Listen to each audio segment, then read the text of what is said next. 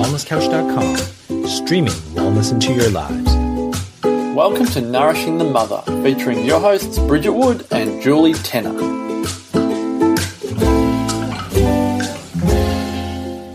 Hello and welcome to Nourishing the Mother. I'm Julie Tenner. And I'm Bridget Wood. And today's podcast is all about consciously parenting.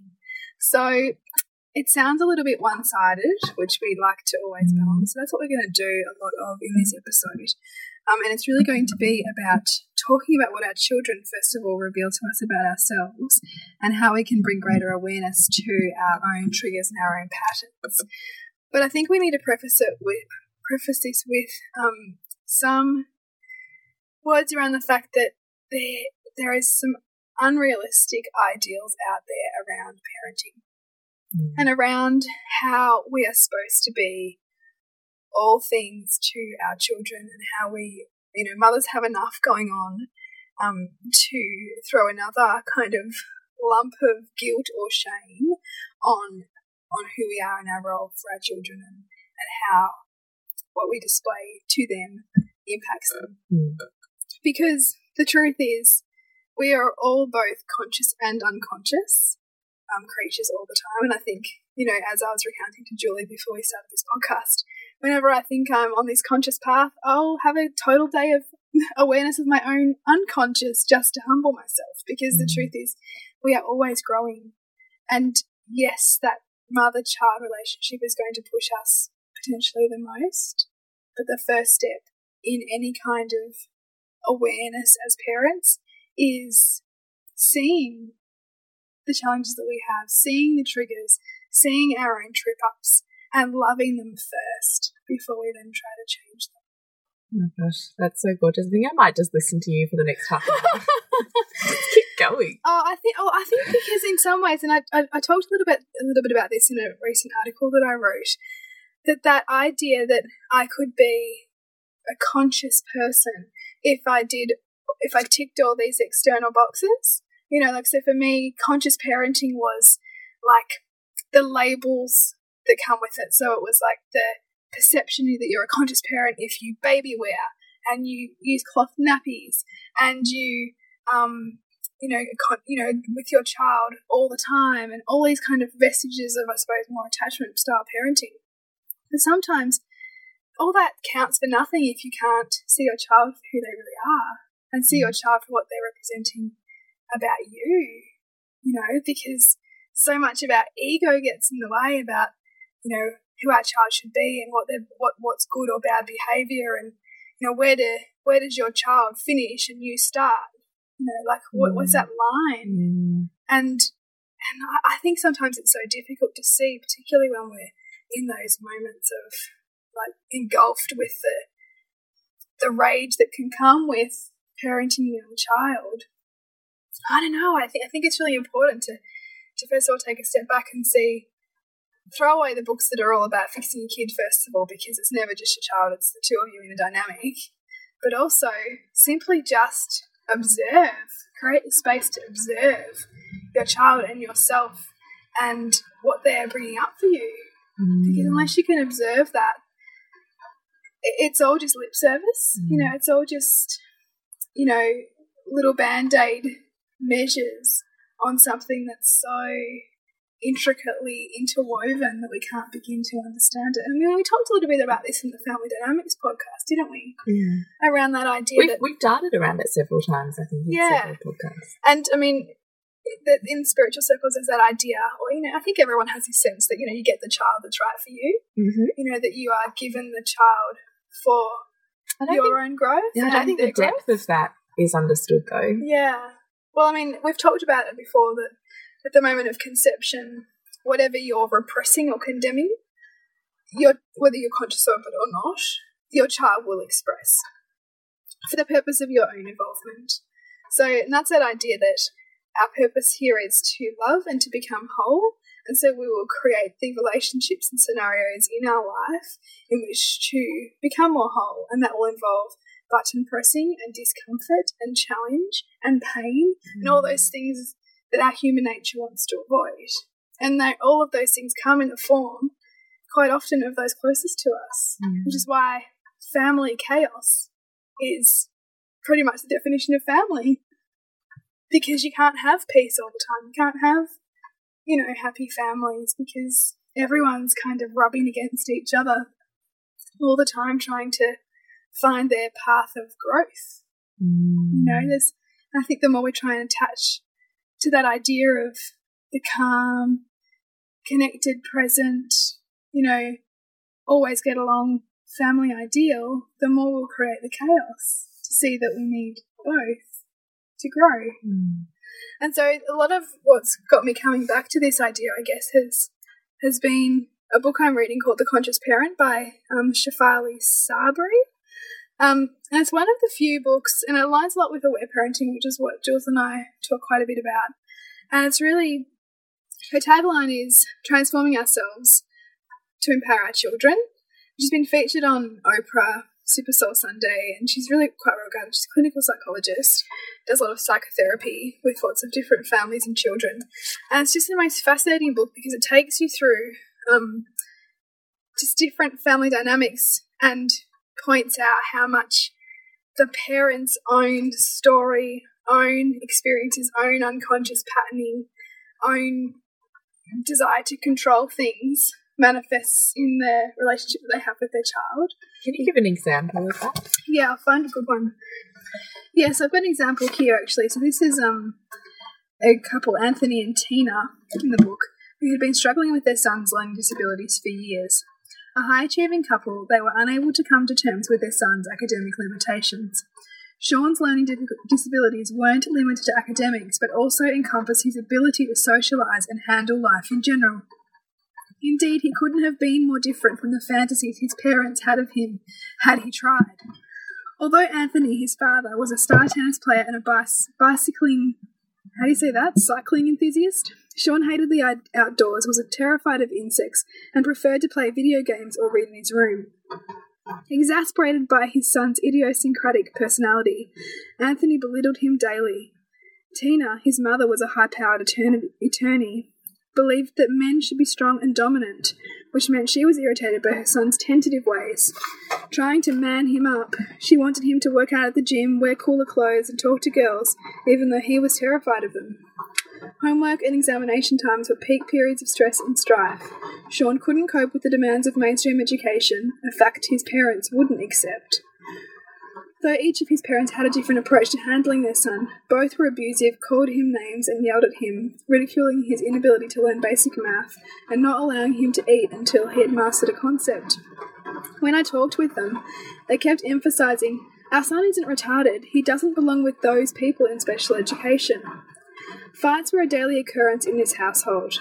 If it wasn't Sean and his father fighting, it was Sean and his mother. Anthony and Tina reached such a state of despair in trying to parent their son, they stopped acting as a team, slowly coming to resent each other and inevitably drifting apart. When they announced they had decided to get a divorce, it was no surprise to me, and neither was the reason they gave. We can't take Sean's behaviour. He's driving a wedge between us. We can't deal with him anymore. He makes us crazy. When Anthony and Tina told Sean that it was because of him they were separating, they imagined this would jolt him out of his bad behaviour. Having found a target for the mis- their misery in their son, they actually believed that were it not for Sean, they'd be happy together. Though they took his behaviour as a personal affront, it was in truth a painful reminder of their own failings as a couple. Sean, for his part, had grown so accustomed to being the vessel of his parents' anguish that he played the part of the demon to the hilt. It was only when Anthony and Tina were willing to see how their negati- negativity stemmed from their basic inability to accept their son that they embarked on the process of transformation. A process that required them to confront their anxiety about Sean's differentness. As they became aware of their unconscious patterns, they began noting how they dumped these onto Sean, who then acted out these patterns, thereby causing them more problems. As Anthony and Tina realised how they had been inflicting their own agenda on their son, they began addressing the real issue their relationship as a couple. After many painful months of working on the rift in their marriage, they were able to release Sean from the burden of carrying their pain. And that's a pretty drastic story, right? Yeah, it is. But it's a powerful example of how our own unconsciousness or our own patterns or our own focus on the way we think things should be in our children or who our children should, what our children should live up to, can play out in the relationship that we have with them. It's big stuff, right? Yeah. And and I don't think that you know many any of our listeners would would identify with something as drastic as that. But you know, I even know in my own desire sometimes to control things and how I feel my hackles raised when Mm. things aren't a certain way, and when I recognize that I have unreasonable expectations of a three year old. That all comes from you know perhaps uh, how I was spoken to when I was that age, or you know the dynamic that, or how my mum felt when the house was a mess, and that I that I'm plugging back into that now as my child presses my buttons on it, and it's just in those littlest of ways that we can become aware of how it's not ever really like our child's behavior; it's our reaction to it because they are they are kind of breaking the illusion that we might have of the way things need to be in inverted commas. Yes, I want to really bring it back to what that story highlights, and I suppose string that out, Bridget, because I can hear that it's really singing to you, and there's lots that you're kind of like going, yes, as you're reading this book, which is just marvelous. And I want to share that wisdom. Mm. So when I'm hearing that story, what I'm picking up on is what is being repressed and therefore not given awareness or voice to within the parents mm. is being expressed by the child in front of them in a way that they can't ignore. So it's kind of like when we talk about the whisperings of your soul, it's your soul kind of, or the universe taking control rather than you having the option of directing where that life leads and going, here's what you haven't paid attention to. So smack bang in your face until you really start to learn the lessons that it's offering you, right? Totally, yeah. And I think this is a classic example of that idea of whatever you repress will be expressed, or whatever you be condemned will be expressed. Because if these if these two parents are, you know, incredibly um, educated and incredibly attached to status and power and lifestyle and and achievement, then you know, surely the biggest jolt to that is to have a child who isn't any of those things, you know, Yeah. who isn't going to meet any of that. And so, really, they're being forced into um, their own wounds. So let's maybe just tease that out a little bit more because I think this is a fascinating concept. This what you repress is expressed, and Mm. therefore you are the perfect parent for this child, and they are the perfect child for you because you are literally expressing what the other is repressing in, in this perfect dynamic, yeah, right? yeah. Or you could say that universally for any dynamic within an intimate relationship and family. So let's tease this out because this is really, I think, really fascinating. When you start to Mm. see your relationships in this light, it can be profound and painful and awakening, like all in one breath, Mm. right? And I think that this extreme example serves that serves to explain that really well because sometimes you need the extreme example to illustrate the concepts, right? Yeah, yeah. But you know, in this example, it's really that these parents were so attached to the all of their outward vestiges of success. You know, the high-powered attorney and the star tennis player, and you know what success really looked at looked like, and you know, to be great in the world, you needed to be this, this, and this, and this, and this, and to actually have a child that didn't meet any of those Yeah. you know, measures that they held as most important in life, you know, really gets them to own the other part of themselves that's not all those things. Because the, the truth is, we are all everything. You know, we are all also lazy in certain areas. We are all also soft and weak and, you know, fragile. And so to have a, you know, if, if, if the more one sided you are about how things should be, And by Um, one sided means you're repressing the other side. yeah, that you're only Yeah. seeing one side as, as being okay, Yeah. or one side as good, Yes. you know, and so that you're trying. So the more that you only own and be in that one side, and the more you shove the other stuff into a cupboard. yeah, Yes. it'll come out and it'll blow out for you know for you to really have to step up to. And I mean, this would be an enormous if we put ourselves in their shoes. What an painful, you know, experience to have to go through and to have to own that. Yeah. Um, you know, I But the thing is, we all have our own variation of that at play every single day in every single relationship, right? So, as much as that's, you know, extreme, mm, you know, and, and hugely painful, we all have our own version of pain in our own relationships and within our own children Mm, dynamics and our own mm. partnership and relationship dynamics. I mean, it's the same, right? It's just like mirrors everywhere. absolutely. And depending on, um, I guess the socially acceptable way to behave in each of those relationships probably allows you the extent to which you release the beast in yes. that, right? Yeah, absolutely. So it's way easier to release the beast with our kids because we're in control of them. and it's also very socially acceptable, right? That that that old or that dominant paradigm of the parent in control and the child as the controlled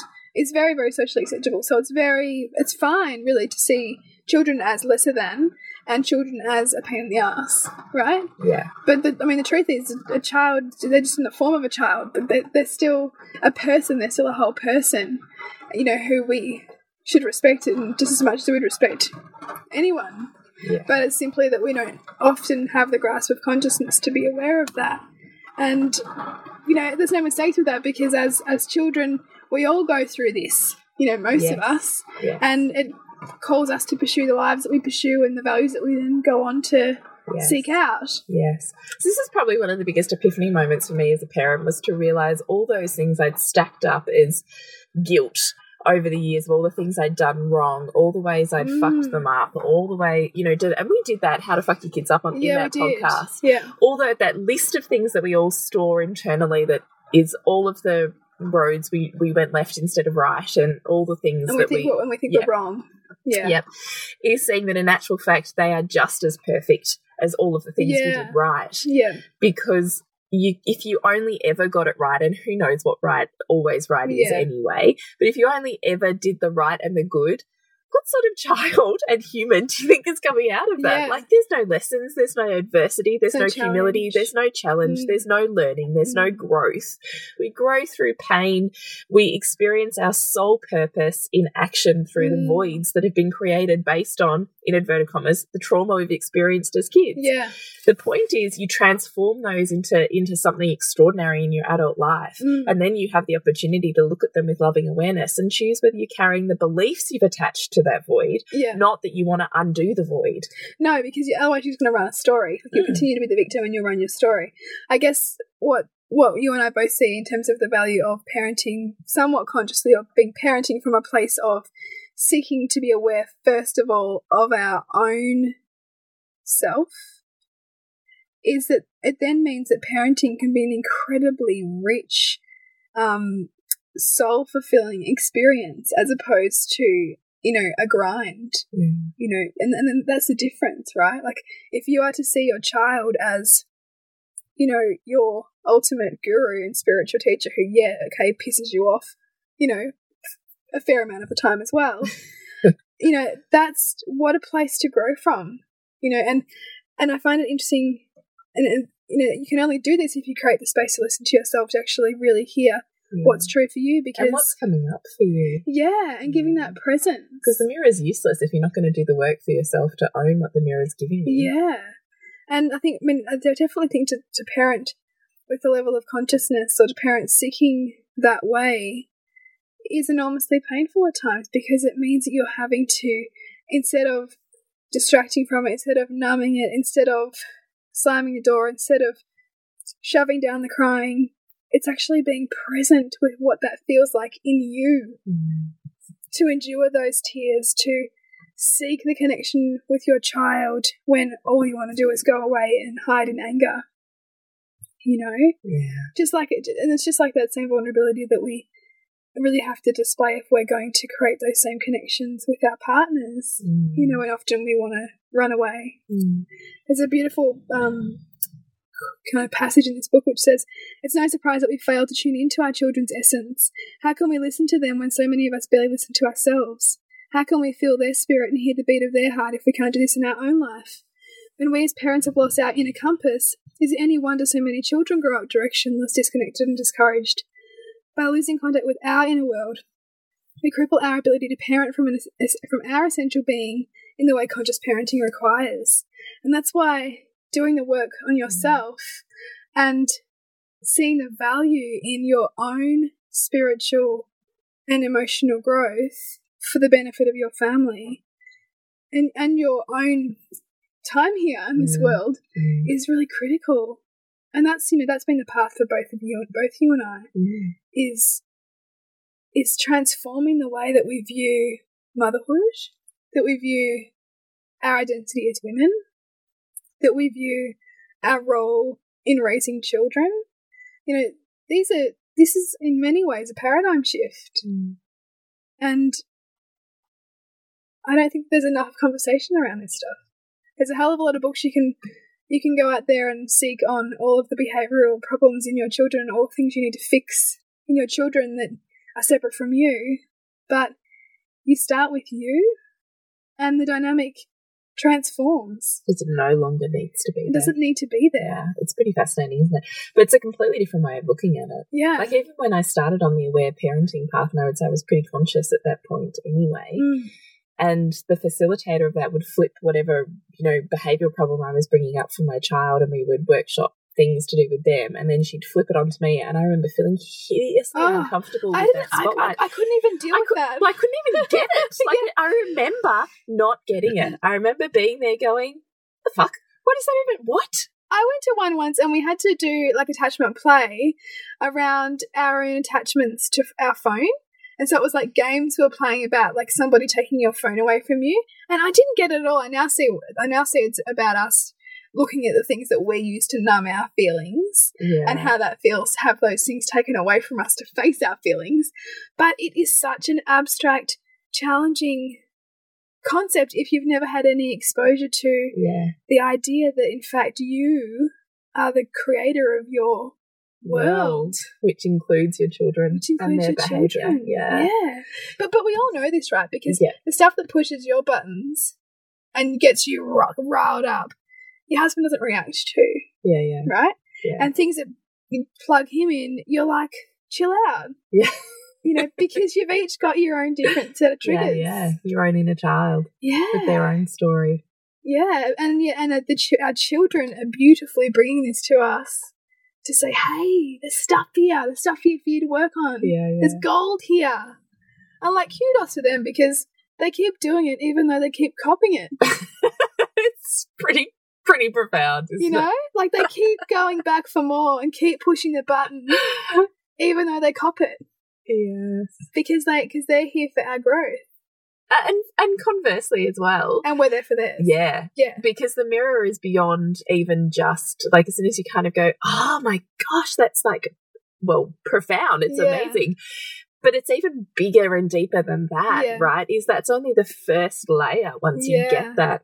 The layer beyond that is the interplay of what they themselves are seeking to grow that's entangled Mm. in the story that we already have, which is how that soul is there in the first place. Like there's so many layers to that story yeah, that it's not even just as simple as owning my own stuff because whatever is at play there serves them. and it's always and it's always transforming right because your child you and your child are growing every day and your child is moving through different stages which push different buttons for you like i remember Yeah. saying this to you Yeah. three is like doing my head in Yeah. but since i've slowed down my life heaps it's not Yeah, right so that shows you Create more spaciousness. create more spaciousness Yeah. Um but wow i just think it's just so interesting i think there's so much so and, many same, and I think I'd said to you at the time when you were saying that, yeah, but you've never been three before. yeah You know, yeah, because 'cause- each time your child reaches that new age, you're, it's you at that, me at age, right? And you've never been that age before. You haven't had, you know, by the time you're three kids into it, you're dealing with completely different stuff. and You're nowhere near as triggered. And that's not because you're more relaxed. It's because you've actually had to face yourself for the third time. the third you know. time which i just think is just amazing Yeah, it is. And that, I mean, and that's that's that's that same thing, right? About parent parenting and how magically the second baby just seems to be easier. Yeah, yeah. It's not necessarily the baby; it's No. you. Yeah, yeah. You know, you're not as often highly as highly anxious. It's not as enough as, as much stuff plugging you in. Yeah, It's less. Yeah. It's less of your own story that's being projected out. yeah. Yeah, sorry, I keep having flashbacks too. I, I hear that and I would normally subscribe to that, except that I know so many families that have had super easy first baby, which made them dive back in for that number two, who's been an absolute Ah. freaking horror. Really, But that's almost like the the flip of that fantasy, Yeah, isn't it? yeah. Is bring the nightmare because of the fantasy that was created about Yeah, how easy it was going to be. because I mean, I totally reflect back and I can see that I had this fantasy around motherhood and fantasy around all of that stuff, and I just copped a walloping. because you know with my first yeah. and really had to it took me to the depths which is why we're here like which is largely Yeah, yeah. what's brought us here um, between you and I connecting and, and this space being need, needing to be held and here. Um, but I just think I just love the concept of even though it drives me bonkers sometimes, the idea of my kid reflecting me. You know? Yeah. Oh, it's like amazing. And even Mm. sometimes when they're doing something, there's that part of my brain that's kind of witnessing the whole thing like a movie going, Yeah. wow, what is that? know, like I, I find myself doing that, which in itself, the act of bringing the awareness to that and playing almost like being the observer in the movie theater, I suppose, yeah. is there's an element of that that that allows me to disconnect from being plugged into the trigger of it because I'm so Mm. used to knowing that that's my stuff being revealed. Yeah. And what is it? yeah. And so it's that questioning that comes in. Is So there's this- a curiosity to Yeah. it as opposed to an initial emotional reaction. Yeah, yeah, yeah. Well, because I'm not defensive about it, Mm. so I'm not plugged into the trigger and the emotion. But not always. Like um, I'm hundred percent not like this perfect parent at no, all. there is none. Well, no, that's true as well. But you know, I espouse the the philosophy, and I Yes. and I and I also sit with the 80-20 rule that eighty percent of the time I get it pretty right, and twenty percent of the time I completely fuck it up. and I don't even consider the fuck up a fuck up though. That's Yeah, the flip though, yeah. is I completely see how no matter which way I choose to deal with that situation, there's learnings for everyone. I think the I think the key to get across when we say this idea that you can't fuck it up is also because you will get the less you get the learnings from it. So Yeah. whichever whichever way it goes, there will be richness in it because you will gain something from it. yeah, It's not looking at it from a point of indifference and going, "Oh, whatever I do doesn't matter," yes, because then that's not living with congruency and it's not learning. No, know? no. It's about seeing the benefits and how they universally play out Yeah. within that. Yeah. and owning the choices that you made and spending the time on going back about why you made those and do they sit, as you say, Mm. congruently with you authentically. yes. Or do they not? And in which case, bringing that alignment in. Because if you sit so far on that you're out of alignment, then your whole life starts to get really messy, chaotic, and in your face loud until you become in alignment. Yeah. I mean, yeah, and the more you are in your truth and living of that, the less there is of those conflict kind of situations coming up. mm, totally. All right, so we've kind of done a roundabouts on the philosophy behind this connection, parent, and the mirror that our children offer us in a dynamic to really ultimately heal our inner child and send us on a bigger, bigger spectrum and bigger life purpose than where we're currently at. And in in doing that, we do that for them. Let's bring it down to real life daily practices and tools. What do you do, and how do you handle your triggers? So my first thing that I try to do is give myself presence in them because if I'm not present with it, I will distract either myself or my son to try and move through it and not feel the pain of it Mm. and not get the message from it, right? Because the trigger's there for me to go, hello, something here for you, something here for you to own. Yeah. So the first thing is really to go, okay, if I've got the space, which we don't always have, what's going on for me right now? Hmm, this one's interesting. And a curiosity. Mm. So, first of all, noticing that it's a trigger for me to try and separate it and my reaction from my child Yes. so that I'm not unleashing on him because it's not fair. I mean, we, we can't avoid it, but as much as I can, I try to not make it about him and observe first if I'm getting emotional. And then I will go, okay, this is, you know, interesting. What, what, I, what am I learning here about myself? It'll be a series of questions and also a sense of presence, as I've said. I'm going in circles here because that's very interesting. Um, but ultimately, it is a slowing down and it, it is looking at him and saying to him, you know, I hear what's going on for you right now. And if I'm highly triggered, it'll be, I'm really sorry that I'm frustrated um, and I appear to be taking it out on you, but I need some space right now. You know, so I'll actually be almost kind of, what's that word for Narrating. narrating what I'm feeling because I want to demonstrate for him ownership of my emotions Yeah. And awareness of what's going on in my body. Like we talk a lot about our bodies and stored feelings and what they're trying to tell us.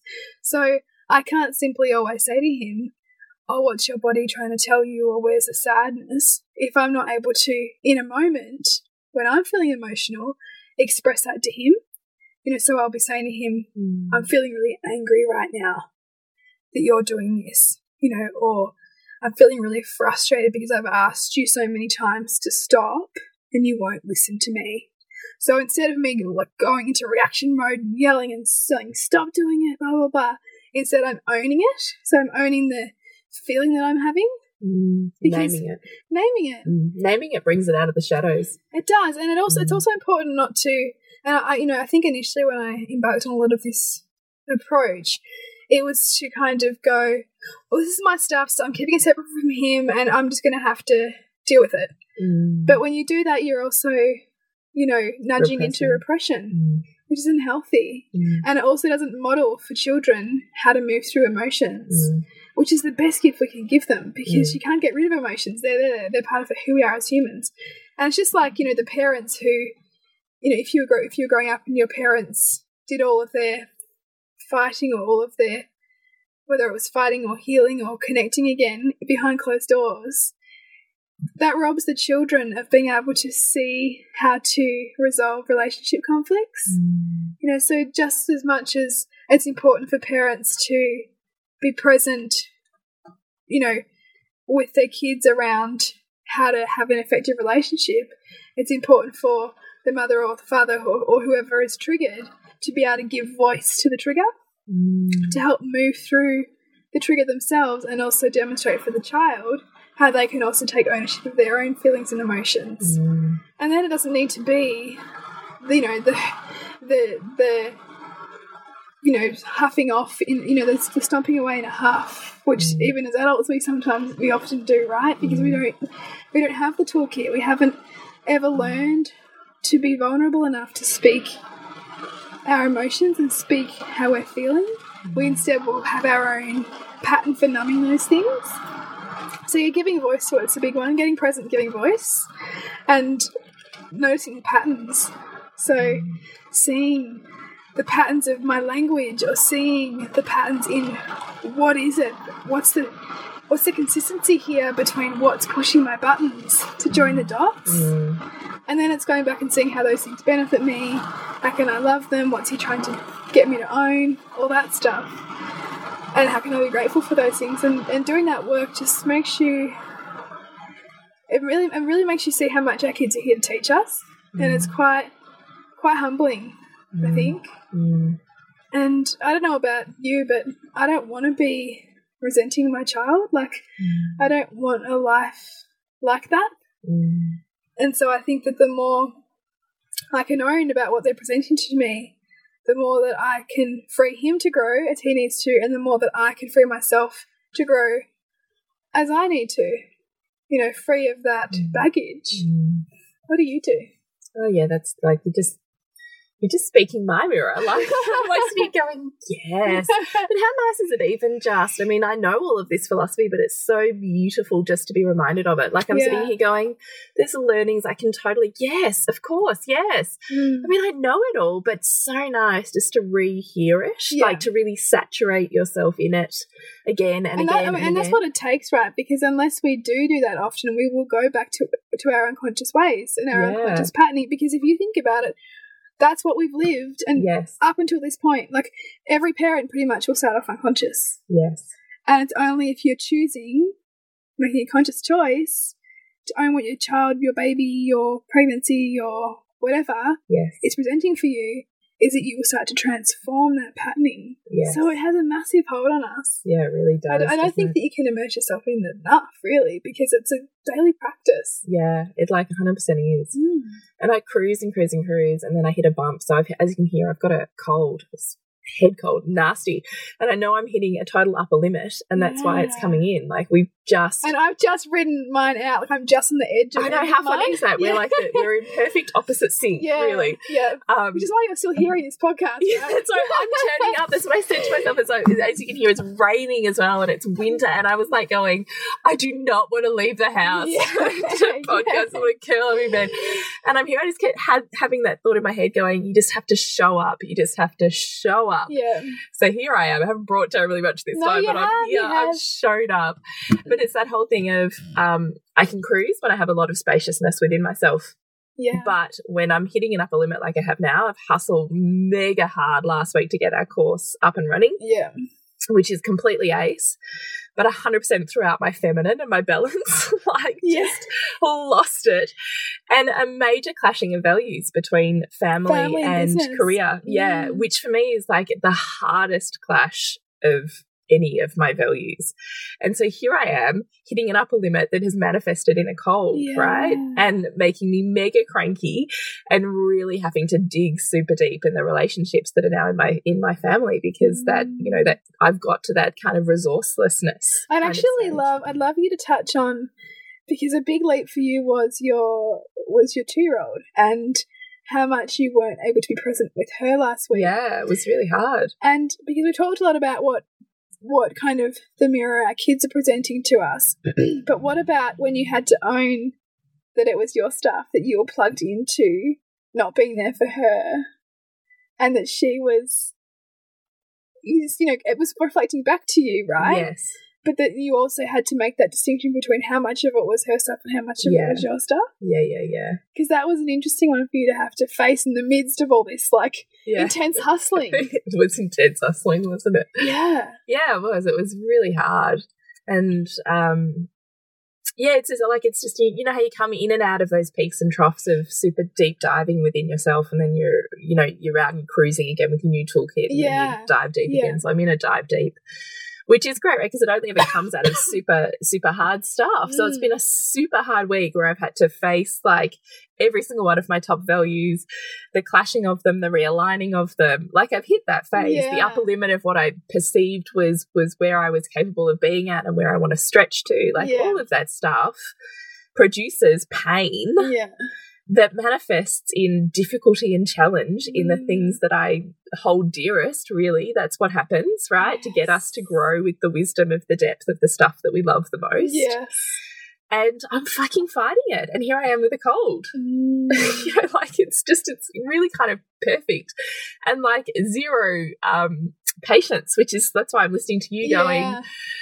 Yes, my God, thank you, because this is like what I needed to hear Yeah. to get back To there. get back into the Yes, alignment again. yes, Mm. because I've come so far out of alignment and had to re-question everything. I really need to to redo what is going on here Yeah. and how my and I alignment. mean, and, and and this, you know, this is, you know, talks beautifully to what we, you know, include in that in our um seven tips, our must-have guide for alignment and connection, because yes, that's really it. You cannot give that spaciousness or give that presence if you can't give it to if you yourself, can't if you can't give it to yourself. no, It is actually impossible. yes, And then it's all, then it's an authentic. yes, Then it's just lip service. Then then it's then it's your kid if they could talk, you know, eloquently about it, would be saying, "Mum, you're saying all this stuff, but you're doing something else because you're giving me all this presence and you're trying to be all open and hearing me." Actually, I just have the perfect you are- example of that. It's popped into my head. really? I'm going to share. It's pretty vulnerable. I'm going to share it because it's funny now that we're having this conversation Yeah,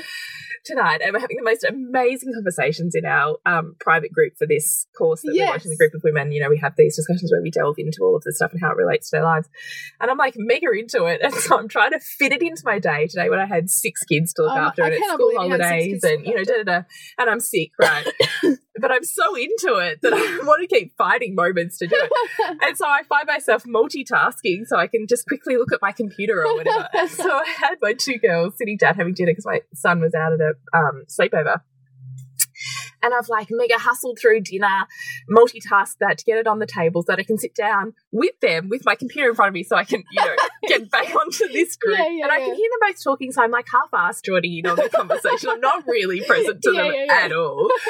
And so my two-year-old turns around and bites me Oh wow! bites my arm and it like fucking hurt. Yes. And I like snapped so hard, like oh, back. oh back. my gosh! Not no, not that I slapped her like that, but like snapped reality check like Yes. so hard back where I went, Fuck, that really hurt.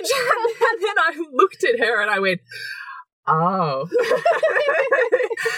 I I get know what's at play here. I know what that's about. so that's only because it's funny, right? Because I can see how you could take that just as bad behavior. yeah. But in actual fact, I'd missed the lighter cues, Yeah. and so she'd gone for the hard guns Yeah. to bring me back into But, you know, with but- her. And but that's it, right? Because it's her, but it's also you. Because if you're feeling guilty about sitting, yeah, which I totally was. Yeah, so, so you, you called that in because you were like, I feel guilty. I need to be punished for my guilt that I'm feeling. Chomp. oh, that's gold. This is where I'm at with my head goal this week. So I'm like not the Zen master to be having this Yeah. conversation with this no, week. but I think that that brings the heart and the reality to it because Lord knows there's days where I'm like, conscious parenting, what? You know? yeah. Because we're human. Yeah, we are. And it's, but it's beyond that. It's about looking at why you're where you are. Yeah, exactly. And that's, yeah, because you, 'cause you can answer, because know, you it let- doesn't just happen to you. No, that's right. I mean, you can let yourself off the hook and say we're human, but but uh, until you take the path of learning and Yes. seeking out the growth, Yes, because when I'm in alignment with myself, Mm. I have the spaciousness that, you know, is infinite. yes, and the ability to tap in and connect and to to love and hold presence and flowing out of everything delicious to everyone around me. yeah, So the question of when that isn't happening is why isn't, Why it isn't that happening, happening? for me? Mm. Not for them, for No. me. Why can't I provide that for myself and therefore for them? Because they're my mirror. So why can't I provide that to my inner child or to my lover or to my, you know, whatever? Mm. it's all self-reflective. So I think it's easy to go, we all have shit days. Yes, we do, but it's about how you approach the shitness as well. Yeah. Do you just wipe it off and go, oh well, tomorrow's a new day, or do you go, how have I got here, yeah, and what am I going to do to change that? and that is the critical path. Because you are, you know, just freaking loving hard on that Invictus quote. You know that you are the master of your destiny or whatever it is. I'm the captain of my ship. I'm the master of my soul, or something. Something like that. Yeah, I wish I remembered it. yeah, I have a head cold. I'm blaming that. Maybe it's just I don't want to remember. yeah, yeah. But it's that whole idea of to take ownership of what the masterful role is you play in creating It's your universe. it's really you know. Do you want to be a victim of your history, which is oh we all have shit days, or do you want to be the master of your destiny? Okay, what can I learn from my shit day? yeah, That's right. That, that that's the difference. It is totally different. And when you're learning from the shit day, it's a golden day. Yeah, and it's no longer bad, or you no longer want to never repeat it because you actually saw that. Oh wow, I learned this, this, and this about myself, and how I can change the situation, and what I what I didn't know before, but I now see clearly. You know, that's all like golden stuff. Yeah, it really seriously is. Yeah, So when I think about how to answer your question, bringing it back into how do you handle triggers, I am thinking like there's almost two parts of me because there's two answers, right? There's resourceful me who has a completely different tactic, and there's resourceless me who has a completely different tactic because I'm in survival mode. Yeah, I'm in, you know, what is the most desperate thing I can do to just pull everybody out of this in the best way possible, Mm. as opposed to over here where, you know, we can like go to where town. you have time and space and presence and all those wonderful things. Yes, all of that stuff. So when I'm in resourcelessness, it's about making time to rest and tune back in, yeah, you know, in the day.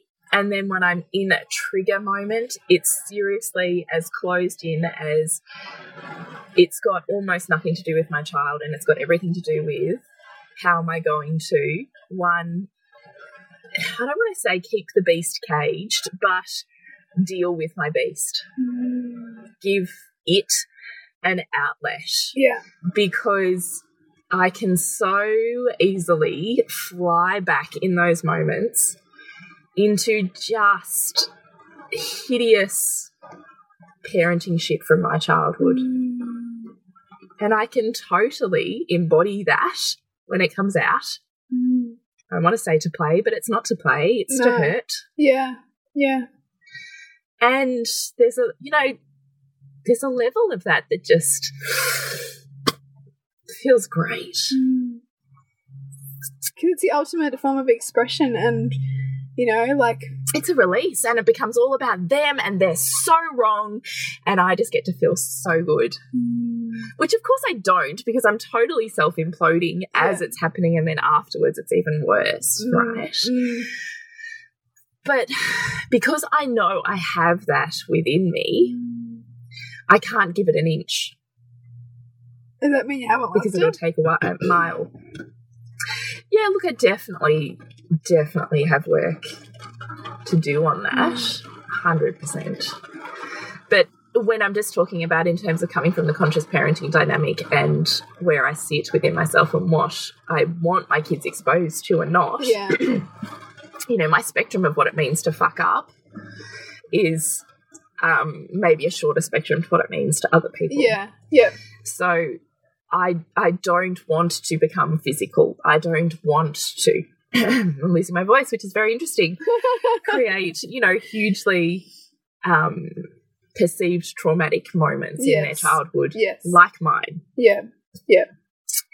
So it's how do I avoid that to the point where, and I find an outlet for the beast. Like it's not that I don't, but it's when I'm in the resourcelessness Yeah. stage Yeah.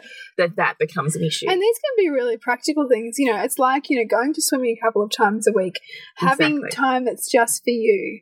You know, these don't have to be like, you know, grand things or, you know, deep inner work. It can be a mix of different things. yes. And it's a, you know, it's a different recipe for all of us as to what it is that fills our cup. Yeah, and it's having it, but it's having an outlet, and it's it's also about.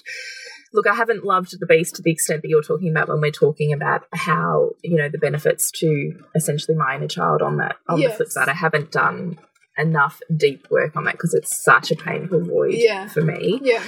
But I've done it to the extent of I'm not willing to to sacrifice my darkness for my light. Yes. So I recognize that the path to my light is through accepting and loving the dark aspects. Mm. And so I'm not willing to say, you're not okay, you're not allowed, anger has no place, da, da, da, Yes. because I don't believe that at all. No. I just don't want to move over into this spectrum of um, abuse. Yeah. Yeah. So if I'm in resourcelessness, it's literally and and because I have been a parent for over a decade now, I and because I know I've always had this beast and I've been on this course, I have like a toolkit of ways back to balance for me which include back to balance for that beast. So it's an outlet for anger. So it'll be like hardcore dancing with really loud music, or running up and down on the spot, or um, you know, yelling into my pillow, or just walking outside and taking a breath and stretching open my chest space, or it'll be melting into a puddle of tears. You know, like I I I know my toolkit well enough with triggers now about how to bring myself out of the Yeah. you know could just. yes Yeah. yes so i'm just very intimately aware of when i'm resourceless that i very front of mind have that list Yeah. i don't need it front of mind when i'm resourceful No, because it does. It has no. It has no, it has no requirement to be there. no Yeah. i don't need it but i'm very aware of when i'm not that i need to be really careful about how i um handle myself And so, in doing that, when I'm triggered, that's really where I'm at. And then I'll spend some time when I'm feeling calmer and I've put probably some work back in, you know, cups of tea, sitting down, crying, chatting, whatever it is to bring myself mm. back. I'll spend some time journaling it and then I'll, you know, I'll get the mirror and I'll get the purpose of it being there. Yeah. Yeah. But in the moment, I just need to handle my beast. Yeah. So, you know, when I'm resourceful, it's exactly what you were saying. It's sitting in the moment. It's really allowing myself to be physically and emotionally open to my child and receiving of whatever is coming out for them. And it's those times that I love the hard shit. I have no issues putting boundaries in because I want to extract the gold out of bringing that emotion out of the shadows and pulling out, you know, to the bottom of it and seeing what's under there. And, you know, that sweet spot of empathy when you can just like eat them up. They're so divine and their tears are mm. just so heartfelt. And, you know, like, I really love that you've made that distinction between that resourcefulness versus the resourcelessness sides of ourselves because it's really so true, isn't it? Like we can have all these wonderful toolkits, but if we're unable to first, eh, able, you know, there's times where we, where we can't even remember our toolkit, let alone access it, and Yeah. those are those times when you're con- That's what feeling completely tapped out, Yeah. You got nothing. yeah. And as mothers, that's a reality. Yeah, it is. And it is, but at the same time, I don't want to say that that should be your normal or No. acceptable because Yes. it's not. Yeah. Like I'm, as much as I'm saying I'm here right now, I Yeah. also recognize that is not normal, and To that is always- not to- my normal. To always be operating from and. I don't accept it as my normal, and therefore I'm willing to do the work and put in place the steps yeah. to bring myself back Yes. into alignment because I recognize I'm out of balance. Mm. I don't think you need to live out of balance. And therefore, I don't think being resourcelessness is what motherhood is because I know it's not. Like the other 80% of the time, I know it's over here in such like heart exploding, profound connection and awakening. Mm. Like I know that's what motherhood is. Mm. So when I'm over here and I'm tapped out and I'm resourceless and I'm cranky and I'm nasty, it's about why am I there when I know I can be here? Here. And therefore not accepting it, therefore saying I'm willing to put back into me to do that. And that mm. isn't just la da having a manicure and I need time away from my kids because that is such a freaking band aid. I really love I really love that, you know, it's obviously been your 10 years of parenting that have got you to the point at somewhere along the line where you realized, oh, it's not about them. I actually need to give to me first. Was there a key point for you where you decided, because a lot of mothers still can't own this, that it's first I must give to me to get myself into alignment so that I can give the presence? Geez, that's a tough question. Um, do I think there was a moment? No, I, I think it was I think it was bringing conscious awareness to the number of moments where it felt so amazing and working And out the why? recipe. Why was I there? Why could I get a whispering or an inkling of that, but then I was back here and I didn't like being here. Mm. But the pain of being here was enough to make me do the work to get over there. Do you know what I mean? Yeah, yeah. So I think it's literally about bringing enough consciousness, which is the hard work, right? Like, no one's sitting, you and I are not sitting here going, you know, consciousness is just so freaking beautiful because it's like the total opposite of that. Like, talk about breeding the fantasy and the nightmare, right? Because the real doing work of consciousness is hard Mm. slog stuff. Yeah. And you and I have said, I, I know I have said this so many times. Don't look at my beautiful birth experiences and think I didn't put a lot of hard fucking work behind that Yeah. to have that. Yeah. Don't look at my beautiful marriage and think that I haven't put a whole lot of hard fucking work to get Mhm. there. Mhm. Don't look at my beautiful parenting and think I haven't put a whole lot of hard fucking work to get there. Yeah. Like, it's not the fantasy that you see, it's that you know you can get there and you seek it through the hard stuff. Now I'm off on my, you know, soapbox. anyway. no, I think it's really, really relevant, and I think it needs to be said. You know, it doesn't just magically. And really, I'm just saying it to myself, right? I mean, Yeah. really, this is the mirror, and everything I'm saying is like so poignant for me right, Right now. this podcast really is like therapy. like, seriously, like the whole time you've been talking, I'm like, yeah.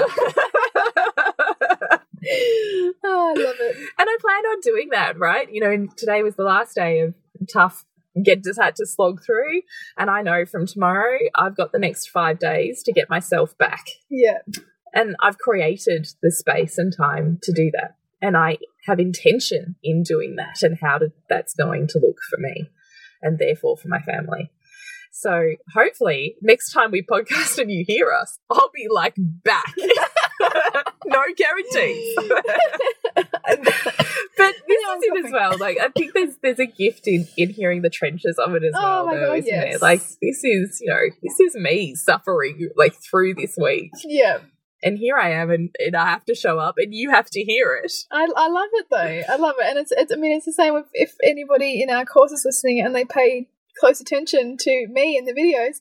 There's a lot of times where we have to edit it because I'm coughing, or, or maybe we didn't edit it because we didn't. There, you actually didn't very. I, I hardly edited them, and there wasn't terribly much copying them, which is actually interesting. But either side of the recordings, there were. I remember Yeah. that. So yeah. we're both on our own little path of like you know. seriously breaking through our Mm. preconceived notions of everything. Yeah, Yeah, and it's big hard. Yeah, it is. So, and hopefully the rain hasn't been too bad for you guys while you're listening to. I'm it's hoping it sounds like a little bit of radio distortion, but hopefully you can still white hear noise. Maybe it could just be noise. beautiful rain meditation. Yeah, I yeah. I, I like that. That, that. That's a nice vibe. Let's go with that. So, Bridget, my voice is seriously going. You give us the wrap up. Yes. So, gosh, there's been so much in this podcast. I think I'm going to have to listen to it a couple of times. I hope we've made sense. But really, it's around to be conscious to our children, we have to first give consciousness to ourselves. And we know that that is not always an easy path. So it's a path of going gently and it's a path of creating space when you can to really hear yourself and what you need so that you can hear your children and what they need and who they are, essentially, beyond our projections and beyond our idealistic notions of who they should and shouldn't be because all they should ever be is themselves, just like all we should ever be is ourselves. Mm. And that, that's the beauty of it. So if you want to connect with Jules, it's thepleasurenutritionist.com. And for me, it's suburbansandcastles.com. And we will see you next week when we continue to peel back the layers on your mothering journey. This has been a production of TheWellnessCouch.com. Check us out on Facebook and join in the conversation on Facebook.com forward slash The Wellness Couch. Subscribe to each show on iTunes and check us out on Twitter. The Wellness Couch, streaming wellness into your lives. Whilst the Wellness Couch presenter endeavor to provide accurate and helpful information to their listeners, these podcasts cannot take into account individual circumstances and are not intended to be a substitute for health and medical advice from a qualified health professional. You should always seek the advice of a qualified health professional before acting on any of the information provided by any of the Wellness Couch podcasts.